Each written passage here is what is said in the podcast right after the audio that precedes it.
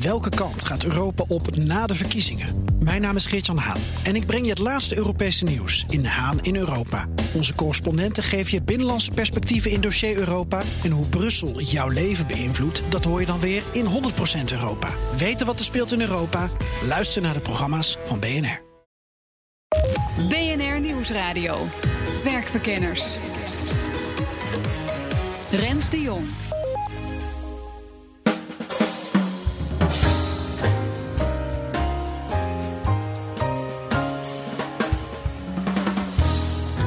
Werken in het buitenland. Het klinkt voor velen als een droom. Mooi salaris, huis, auto van de zaak.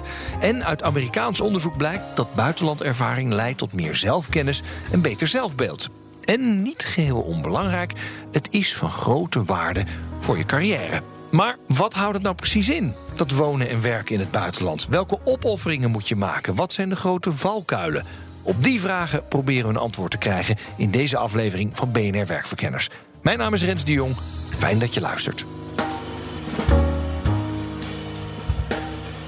In deze aflevering volgen we een expat-paar dat na acht jaar buitenland teruggekeerd is naar Nederland. Zij zijn de leidraad van dit verhaal. Het is fantastisch leuk aan het begin, want alles is een avontuur. Je gaat een brood kopen bij de winkel en dan probeer je dat in het Hongaars te zeggen. En dan, ja, al, alles is spannend. Ik ben Stefan Flapper. Uh, het bedrijf waar ik eh, destijds voor werkte was voor Tata Steel. Ja, mijn naam is Elja Do. We zijn in januari 2007 naar Hongarije vertrokken.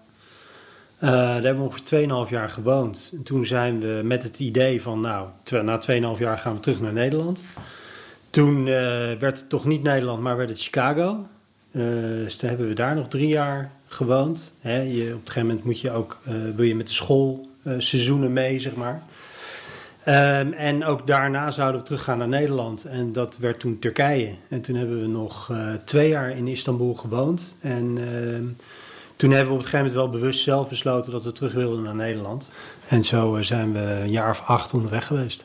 Maar Eerst even beginnen bij het begin. Want hoe kom je dan tot het besluit om een buitenlandavontuur aan te gaan? Denk je dan aan geld of juist aan carrière-mogelijkheden? Nou, we hadden eerder al een keer een mogelijkheid. Dus we hadden de hele discussie van ja, hoe, hoe gaan we dat dan doen naar het buitenland? Uh, als het voor mijn baan is, wat gaat de L dan doen? Dus, uh, dus daar hadden we een klein beetje ervaring mee. Ja, en verder gaan verdiepen in wat kun je daar? Uh, kan je allebei werken? Hoe zit het met een visum? nou, hoe is ook je je persoonlijke situatie. We hadden toen net een, baby van een paar maanden oud, dus nou, dan past het ook wat beter dan uh, enkele jaren daarvoor dat we allebei gewoon fulltime werkten. Ja, ik vond het ook best lastig. Het kwam wel zo uit dat we, ik was een paar maanden of zo weer aan het werk sinds we onze oudste hadden gekregen. Dat was best wel, best wel heftig. Zo'n zo'n drukke baan en dan zo'n baby die je op moet halen van de crash en zo. Um, en ik was ook wel een beetje toe aan iets anders. Dus dat, uh, dat, was, dat, dat scheelde een hoop. Uh, de financiën waren natuurlijk wel een dingetje. Dus we hebben echt eindeloos zitten doorrekenen ja, wat onze voorwaarden waren. En we hebben ook met heel veel mensen die het al deden, hebben gesproken. Om te horen uh, welke dingen zij onderhandeld hadden. Want het financiële plaatje was natuurlijk wel heel belangrijk daarbij. Als, als ik stop met mijn baan. Als je uitgaat van één salaris, dan zijn er echt nog wel financiële voordelen aan. Maar uh, Elja die verdiende meer dan de helft van ons inkomen. Dus er viel eerst viel meer dan de helft weg. En dan moesten we dan weer goed maken met nou ja, het huis en de auto die dan door het bedrijf werden betaald. Maar ik denk, ja, ik vergelijk het een beetje met als je op een gegeven moment gaat denken aan uh, wil je kinderen of niet. Dan is er heel vaak een periode waarin je allerlei redenen verzint waarom je er nog niet aan toe bent of waarom het niet kan. En op het gegeven moment, en dat was ook zo met Hongarije, hadden we gewoon zoiets van oké, we gaan het avontuur aan. En ja, en dan, ja, dan heeft dat impact op je financiën, maar dan, dan kom je daar wel overheen. De keuze om te gaan is één, maar of je dan ook meteen een idee hebt hoe het is om te wonen en werken in het buitenland? Nee, dat wisten we eigenlijk niet. We wisten gewoon niks van. nee, en eigenlijk uh, is dat voor ieder land zo. Zelfs landen waarvan je denkt dat je het weet, zoals Amerika. Je hebt altijd enorme uh, cultuurschokken. Dat is een officieel uh, fenomeen. En eigenlijk weet je, je weet gewoon eigenlijk van geen enkel land. Je hebt, je hebt gewoon eigenlijk geen idee. Nooit. Dat kan ook niet, want je hebt er nooit gewoond. Ja, het klinkt romantisch. Gewoon je koffers pakken en gaan. Voor Stefan en Elja werkte het. Maar voor velen is het een recipe voor disaster. Lichtzinnigheid, zo noemt Shader Franklin Pinto het. Hij is managing director van het KIT Intercultural Professionals. En zijn bedrijf traint en adviseert expats. En de grootste valkuil is die lichtzinnigheid. Dus van we komen er wel uit. Uh, wij als Nederlanders zijn wel uh, bereisd. Uh, wij weten veel over andere culturen. We spreken toch Engels en dat komt, daar komen we al, overal wel mee weg. maar het zit hem vaak in dat onbewuste deel. Ehm, en dus het is raadzaam om je voor te bereiden. Zodat je eigenlijk wanneer je er aankomt, eigenlijk meteen aan de slag kan en zo effectief mogelijk kan zijn. Mm feedback van een van onze deelnemers was bijvoorbeeld: Nou, door die sessie heb ik eigenlijk een half jaar voorsprong ten opzichte van collega's die, die zich niet hebben voorbereid, omdat ik al bepaalde signalen kan interpreteren. Mm. dus ik kan bepaalde signalen, zowel non-verbaal als verbaal, maar ook bepaalde uh, beslissingen die genomen worden in een meeting, de dynamiek in een meeting, uh, die kan ik nu beter lezen dan, uh, dan daarvoor. Anders ging ik toch met mijn Nederlandse bril, wat ik gewend ben van een Nederlandse vergaderruimte, had ik dat toch ja. anders geïnterpreteerd. Dus voordat je je spullen in een grote container stopt en het vliegtuig pakt, is maar één ding echt belangrijk. Voorbereiden, voorbereiden en nog eens voorbereiden. En dan gaat het vooral om die zogeheten cultuurbril af te zetten. Chader legt uit hoe ze dat doen bij het kit. Dat betekent uh, dat we het meestal wel opbouwen in een aantal uh, fases. En dat gaat, we starten meestal met hoe kijk je zelf tegen cultuur aan? Wat, wat betekent cultuur voor jou mm. als, als degene die uitgezonden wordt? hoe kijk je tegen de cultuur aan van het land of de regio waar je naartoe gaat? Ehm, door welke bril kijk je dus eigenlijk zelf? en vaak zijn mensen zich daar niet van bewust. en dan heb je de gevleugelde uitspraken als: ja, maar mijn buurman is ook Marokkaans. En uh, daar, uh, dus ik weet wel wat van cultuurverschillen af. Maar dat is heel anders dan dat je in een land woont of gaat wonen. En dat je dan ook met anderstaligen, maar ook met mensen van een andere culturele achtergrond echt gaat werken en samen iets gedaan moet krijgen. En jij, jij zegt dus, ik laat ze door een andere bril kijken waarvan ze niet eens weten dat ze hem op hebben. Ja, eigenlijk, eigenlijk, vaak wel. Ja. Hoe doe je dat? Wat voor vragen stel je dan aan mensen? Nou, we gebruiken daar bijvoorbeeld foto's voor. Dus uh, foto's uh, waarbij uh, nou, bijvoorbeeld twee mannen hand in hand lopen in een land waarvan je zou zeggen: Nou, daar is bijvoorbeeld het niet toegestaan om affectie te tonen voor iemand van hetzelfde geslacht. Mm Er zijn dan ook nog eens een keer twee mannen in een uniform. En dan, wat zie je dan? Oh, ja, ja, En dan, ja, als ik die foto's zou zien in Amsterdam, zou ik zeggen: Nou, dat was waarschijnlijk een stel, een homofiel stel. En, maar dat zal het vast niet zijn in dat land, want dat mag daar niet. Dus dan heb je allerlei beelden. En dan, maar er zit iets onder. Dus bijvoorbeeld zo'n zo'n paar, dat zijn eigenlijk collega's, maar het zijn ook vrienden. Mhm. En dat uiten ze doordat ze hand in hand met elkaar lopen. Maar dat betekent helemaal niet dat ze dat het meer dan dat is. Ja. Dus uh, als je als uh, uh, ja, als je daar in die regio bent en je gaat je anders gedragen, kan je wel eens in de problemen komen. Omdat je denkt, nou, dit is hier normaal.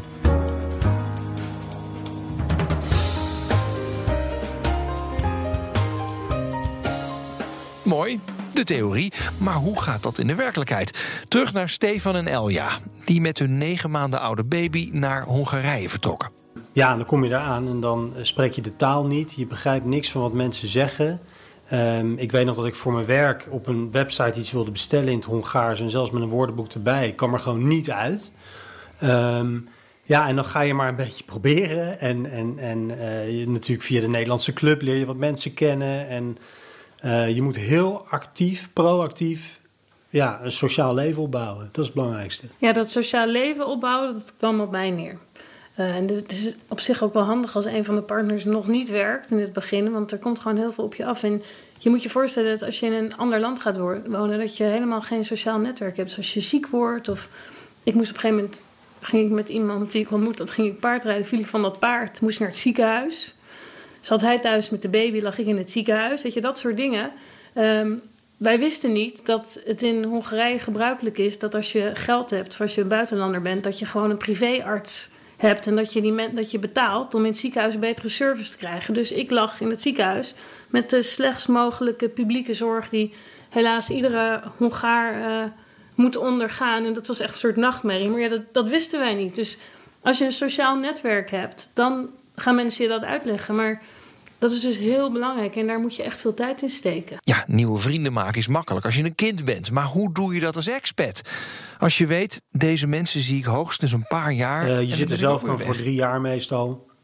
Maar mensen die je ontmoet, ja, sommige mensen ontmoet je, die gaan na een half jaar weer weg of na een jaar weg. Dus het is heel vluchtig wat dat betreft.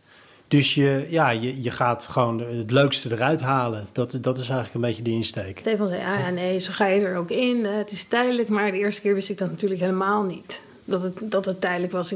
Je leeft best wel in het nu en je leeft, best wel in een bubbel vaak. En ik, ik wist helemaal niet dat die vriendschappen... Ehm, dat die tijdelijk waren ook, dat dat soms misgaat. Ehm, en, en hoe belangrijk dat was. Dus dat is wel dat is een heel, uh, dat is een heel ding. Hoe maak je nieuwe vrienden en, en wie zijn dan je echte vrienden? En vind je dat oké dat het tijdelijk is en oppervlakkig of wil je meer de diepte in? Dat is best wel een uitdaging. Dat heb je altijd.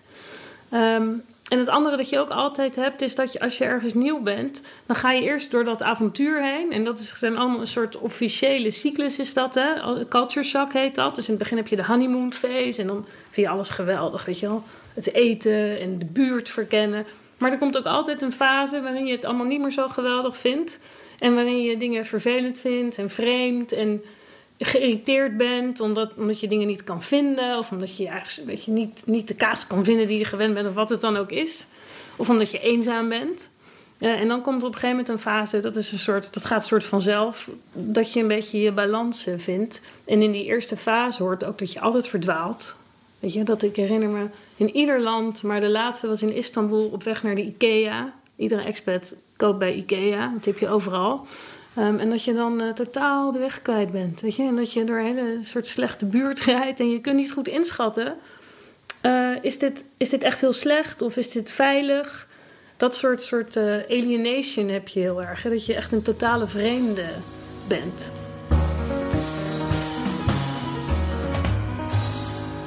Als het misgaat, dan gaat het vaak um, vanwege familiaire problemen missen. Ja, in de zin, of vaak ligt een reden niet zozeer op het werkvlak van degene die uitgezonden wordt, maar is het toch omdat de partner, uh, en dat kan man of vrouw zijn, uh, of de kinderen het niet naar hun zin hebben. Mhm. En veel van de postings, buitenlandse postings, worden afgebroken op basis van dat uh, het gezin ze niet kan aarden. Ja, oké, maar hoe zorg je ervoor dat dat dus niet gebeurt? Dat dat aarden wel lukt? Het managen van verwachtingen. Dus niet zozeer het onbekende tegemoet gaan, maar toch wel weten waar ga ik naartoe en wat kan ik verwachten. En, uh, en, ik, en partners horen liever dat er bijvoorbeeld uh, het moeilijk is om contact te leggen met de locals vooraf. Dan kunnen ze zich al mentaal op voorbereiden en daar dus een alternatief voor uh, bedenken of, of, of, of, gaan onderzoeken, dan dat ze daar zitten en dan dat ze na zes maanden ervaren dat het heel moeilijk is om het locals contact te krijgen. Oké, nou, we hebben het al een paar keer gehad over de rest van het gezin. Hè? De partner en de kinderen die in het kielzog meegaan. Shell stuurt jaarlijks honderden Nederlanders naar het buitenland. Nou, zij moeten dus wel expert zijn op het gebied van het expatleven. Ik sprak met de manager van Shell Outpost Services over hoe belangrijk die rol van die partner eigenlijk is. Dat is absoluut uh, een van de dingen waarvan juist de werkgever zegt van uh, de partner moeten we dus uh, wel tevreden houden. Ik ben Bettina van der Heijden. Ik ben manager bij Shell Global Outpost Services. Natuurlijk moet de partner daar zelf ook heel veel voor doen. Uh, maar wij als, als Outpost dan uh, zeggen van... Um, we proberen zoveel mogelijk te kijken waar de behoefte ligt van die partner en van het gezin. Mm -hmm. En dat ligt ook op elke locatie, is dat ook verschillend. Dus uh, in Perth kun je makkelijker je weg vinden dan in Nigeria. maar daar is de community weer zo hecht in Nigeria... Um, dat je... Um, ja, daar ga je niet buiten het kamp. Um, dat kan bijna niet buiten het kamp verder leven. Hè? Dus de contacten met de lokalen zijn vaak je collega's. Ja. Is er, ik vraag nog even door over dat uh, psychologische en de partner en, ja. de, en de employee. Bieden ja. jullie dan ook bijvoorbeeld relatietherapie? Want ik kan me aan de ene kant, stel je voor dat ik het zelf een keer zou doen. Aan de ene kant denk je, wauw, wat een groot avontuur. Maar uh, er is zoveel verandering. Ik kan me best voorstellen dat het iets met je relatie doet. Ja, dat doet het absoluut. Het is een, uh, het is een mooie uitdaging voor, uh, voor de relatie. en, dat zeg je heel eufemistisch. nou ja, weet je, je gaat natuurlijk met elkaar ga je een, een, een avontuur aan. Ja. En dat avontuur moet je, net zoals dat je op vakantie gaat, daar ga je positief in. En ehm, dit, dit moet je, ja, als je, als je hier al met een negatieve uh, houding instapt, dan gaat het je niet lukken. Dus die positiviteit heb je aan allebei de kanten heb je die nodig. Ook van de kinderen. Uh, relatietherapie, onze afdeling geeft dat niet. Uh, maar zien wij signalen, dan kunnen wij wel doorverwijzen naar uh, de gezondheidsafdeling. En ook bij ons expatpaar offerde Elja haar baan op om met Stefan mee te gaan naar Hongarije, Amerika en Turkije. En toch vond ze al snel een manier om aan het werk te gaan. Ik ben voor mezelf begonnen. Dus in Hongarije ben ik een, eh, een soort e-commerce bedrijf begonnen. Dat is niet super succesvol geworden. Dat bleek niet helemaal mijn ding. Maar ja, dat heeft me wel heel veel geleerd. En ook eigenlijk op een pad gezet naar online marketing. En um, in Amerika heb ik dat op een gegeven moment. Ik heb dat bedrijf verder afgerond toen we weggingen uit Hongarije. En toen ben ik in Amerika me helemaal in online marketing, social media gaan verdiepen. En uiteindelijk als uh, ZZP'er daar ook mee aan de slag gegaan. En dat, dat ben ik blijven doen. Dat doe ik nog steeds. Ja, ondanks deze nieuwe onderneming kwam er af en toe toch een gevoel van eenzaamheid opzetten. En dat had gedurende de jaren wel zijn weerslag. Nou, dat is natuurlijk wel lastig. Maar als je voor je, voor je. Kijk, je, je verhuist ergens heen. En ik reisde best wel veel voor mijn werk ook. Dus ik was dan ook nog eens een keer veel weg, zeker in Amerika. Um, en dat is natuurlijk lastig, want ja, je, je wilt allemaal naar je zin hebben. Uh, maar goed, dat is, ja, dat is toch een fase waar je een beetje doorheen moet. Als je echt in een expat community komt, zoals, zoals in Istanbul bijvoorbeeld, dan ontmoet je heel snel heel veel mensen die in dezelfde situatie zitten en die dus ook heel erg op zoek zijn naar contact. Dus dan gaat het wat sneller. In Amerika hebben we uiteindelijk, ja, we, alle uh, vrienden die we nog, nog steeds spreken, was eigenlijk via de school. En dat was zeg maar een wat normaler uh, proces. Ja, en dat duurt natuurlijk even. Want je, als je iemand voor het eerst ziet, zeg je niet gelijk van kom morgenavond bij me eten. Uh, maar binnen die expert community is dat veel normaler. En uh, ik denk dat het daarom in Amerika wel iets langer heeft geduurd, ja. Op een gegeven moment um, in Turkije, Turkije was echt een geweldig land, fantastische mensen. We hadden een prachtige appartement, goede school, alles was oké. Maar ik zat de hele dag achter mijn computer thuis te werken. Het was uh, Istanbul, woonden we, is een hele drukke stad. Dus het was heel lastig om de kinderen bijvoorbeeld naar een speelafspraakje te brengen. Dan moest je soms anderhalf uur in de auto zitten, omdat zoveel file was. Het was gewoon we zaten heel erg in de expat community. Dat was een hele welgestelde community met ook veel internationale Turken met veel geld. Um, en ik voelde me daar totaal niet in thuis. Ik heb een paar gelukkig goede vrienden aan overgehouden, maar ik, ik, we, het was hem gewoon niet. En voor de kinderen was het hem eigenlijk ook niet. Ze hadden helemaal geen vrijheid. We woonden op een compound. Het was zo anders ook dan ons leven in Amerika. En toen werd ik, ik weet nog heel goed op een nacht ik weet niet, we lagen al heel lang in bed, maar ik, ik kon niet slapen. En op een gegeven moment merkte ik dat Stefan ook nog wakker was. En toen zei ik tegen hem van, uh, het wordt hem gewoon niet, schatje. Je bent hier gewoon niet gelukkig. En toen had hij dat eigenlijk ook. Dus toen hebben we besloten om, uh, ook al was het niet goed voor zijn carrière, om te zeggen van, uh, we gaan terug. Je komt in zo'n ander land wel op het gegeven moment, op een moment, hè, wat, wat je net ook zei van je hebt een beetje die honeymoon periode en op het gegeven moment dan komt een beetje een soort ergernisperiode. Dat je, je, je voelt je, het is je thuis, maar ja, dingen gaan heel anders en sommige dingen zijn daar leuk aan, maar ja, je, dingen gaan ook frustreren. Um, maar uiteindelijk hebben we ja, inderdaad in Turkije toen besloten om dat we toch terug wilden naar een plek waar we echt iets kunnen opbouwen. En, ja, en, en meer vrijheid voor de kinderen. Je komt er dan wel achter dat Nederland echt van fantastisch land is voor opgroeiende kinderen. In dat ze met de fiets over naartoe kunnen en lopen en alles is veilig. En dat was in Istanbul niet. Na zoveel jaar in het buitenland komt er een moment dat je terug wil, dat je terug gaat. En dat moment is voor Shader misschien nog wel moeilijker dan het moment van vertrek. Het advies wat ik zeker wil meegeven is: bereid je op tijd voor voor je terugkomst. Hmm. En dat zit hem dus niet alleen in uh, ervoor zorgen met je werkgever dat de container geregeld is met je spullen en dat je vliegtickets zijn geboekt, maar dat je wel weer verdiept in wat speelt zich af in Nederland. Hmm. Uh, zowel op politiek vlak, maar ook op scholen bijvoorbeeld. Uh, schoolsystemen die veranderen per, per land. Um, sport is anders. In Nederland zijn we ook over het algemeen redelijk Um, hebben we ons leven redelijk opgesplitst. Hè? Van je hebt je leven op een sportclub of op werk of privé met familie. Terwijl in heel veel andere culturen loopt het in elkaar over. En als je dat dus gewend bent, aan gewend bent geraakt in een ander land, dan uh, in een andere cultuur, dan uh, kom je terug en dan is alles weer opgesplitst. Dus dan ken je dat kindje van de kinderopvang, dat kindje van de sportclub en dat van de muziek, bijvoorbeeld. Maar dat loopt niet meer in elkaar over. En dus dat is vaak even wennen. En ook bij Shell herkennen ze dat beeld, dat dat terugkeren veel moeilijker is dan weggaan. Bettine van Shell Outpost Services ondervond het aan de lijve. Ik ben zelf acht jaar buitenland geweest. Uh, twee jaar heb ik op Borneo gewoond en zes jaar in Kuala Lumpur. Uh, mijn man reisde heel veel. En uh, ik, daardoor werd ik steeds zelfstandiger. moest bepaalde beslissingen zelf nemen in het buitenland. mijn kind groeide daarop. Het was tien jaar toen hij terugkwam. En toen waren we terug in Nederland. En toen reisde mijn man niet meer. hij had een kantoorbaan. Ja. En ik had hem weer van negen tot vijf gezellig thuis. Ja. Dat is een cultuurshock. Ja, daar kan, ben je daar wel uitgekomen of, uh, of niet? Ja hoor, oh, ja, gelukkig. ik ben al 27 jaar heel gelukkig Oké, okay, nee, ik wil het even weten. Maar dan, dan is het opeens van... hé, hey, in Kuala Lumpur nam ik alle beslissingen... en nu opeens uh, zitten we weer met... Uh... Ja, doe je het weer gezellig samen. Ja, maar goed, dat, dat is wel even wennen dus, begrijp ik. Dat is heel erg wennen. Toen wij weggingen, ehm, hadden we net bijvoorbeeld de euro... Uh, die, die, was net om de hoek komen kijken. En toen we terugkwamen, was ik nog steeds aan het omrekenen van de gulden. Of eigenlijk van de Malaysia ringgits naar de gulden. En van de gulden weer naar de euro. En op een gegeven moment raak je dan de kluts kwijt. Ja, en ons expertpaar kan het alleen maar beamen. Terugkeren is geen appeltje-eitje. Uh, maar het was natuurlijk enorm wennen. Uh, alleen al qua huis. Ik weet nog dat, ze, dat de verhuizers die gingen de container uitladen. En toen die nog voor een derde vol zat kwam uh, een van die mannen naar ons toe en die zei van ja, we hebben een probleem, want er past niks meer bij in het huis. dus toen zijn we een gek gaan uitpakken om dat toch weer uh, ja, erin te krijgen.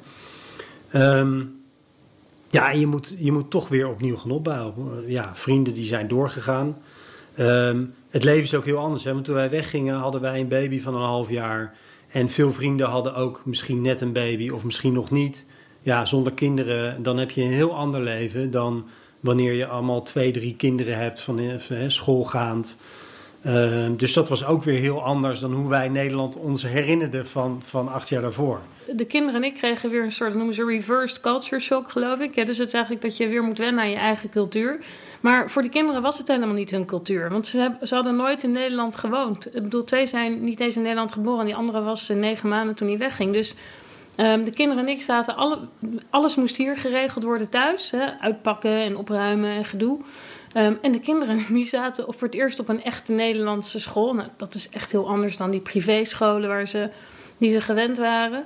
En, uh, en iedere dag uh, kwamen ze terug en ze, ze wisten niet wat een bagagedrager... Het woord bagagedrager, knakworst...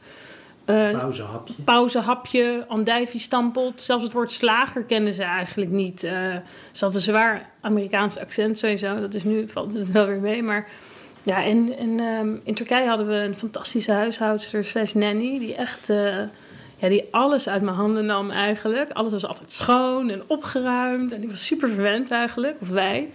Ja, en hier uh, was dat gewoon heel, uh, het was heel overweldigend. Ja, het was niet zo makkelijk. Aan de andere kant was het echt geweldig om weer bij familie in de buurt te zitten. Tijd om de balans op te maken. Hoe kijken Elja en Stefan terug op hun tijd in het buitenland? Wat hebben ze geleerd? Het heeft me heel veel geleerd over mensen en omgaan met mensen.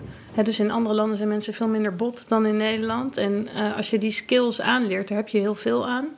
Ja, het nadeel is dat je toch echt moet realiseren dat je hard moet werken om te settelen in zo'n uh, nieuwe omgeving. En ja, daar moet je wel zin in hebben. Het werken met mensen um, uit verschillende culturen en landen. En dat kun je doen door in een bedrijf te werken wat internationaal is. Dat je eens een keer een paar dagen ergens naartoe gaat. Maar als je er echt in zit en je moet een organisatie aansturen in Turkije.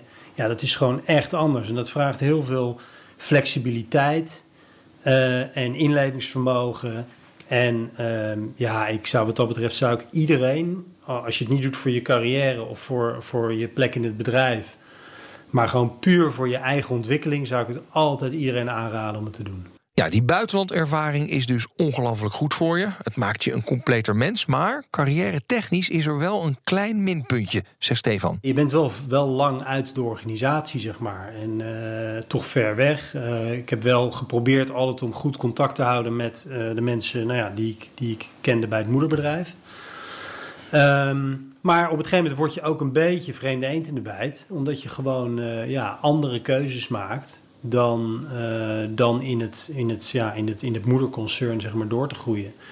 En ik denk dat veel bedrijven, en Tata Steel is daar niet anders in, uh, die hebben daar wel moeite mee om dan iemand die terugkomt uit het buitenland, om daar dan iets voor te hebben en om daar een, een, een plek voor te kunnen creëren.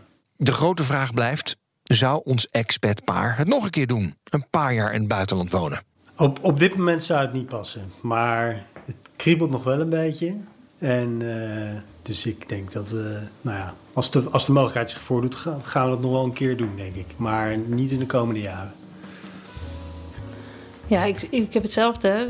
Het kriebelt nog steeds. En af en toe denk want het is ook wat echt heerlijk is aan expat zijn, is dat je gewoon in een soort bubbel leeft. Dus je hebt, als je wil, heb je eigenlijk heel weinig te maken met de rest van de wereld. En je zweeft een beetje in je eigen bubbeltje met geld over de wereld. En dat is helemaal niet zo'n slechte situatie. Het enige is dat uh, onze kinderen hebben zoveel veranderingen meegemaakt. Die hebben op zoveel scholen gezeten. En op dit moment zouden we ze dat niet willen aandoen om, uh, om weer te verhuizen. Maar ja, ik, ik, ik hoop wel dat we ooit nog weer naar het buitenland gaan. Ja. Kortom, als je met je gezin naar het buitenland wilt, bereid je dan goed voor. Het managen van verwachtingen is cruciaal. Want jij kunt wel lekker aan het werk zijn. Als je partner zich thuis op de bank eenzaam voelt, kan je reis snel afgelopen zijn. Overigens, onze werkverkennersreis gaat gewoon door. Dus wil je niks missen? Abonneer je dan op onze podcast via Spotify, iTunes of waar jij ook je podcast vandaan haalt. Mijn naam is Rens de Jong. Graag tot de volgende keer.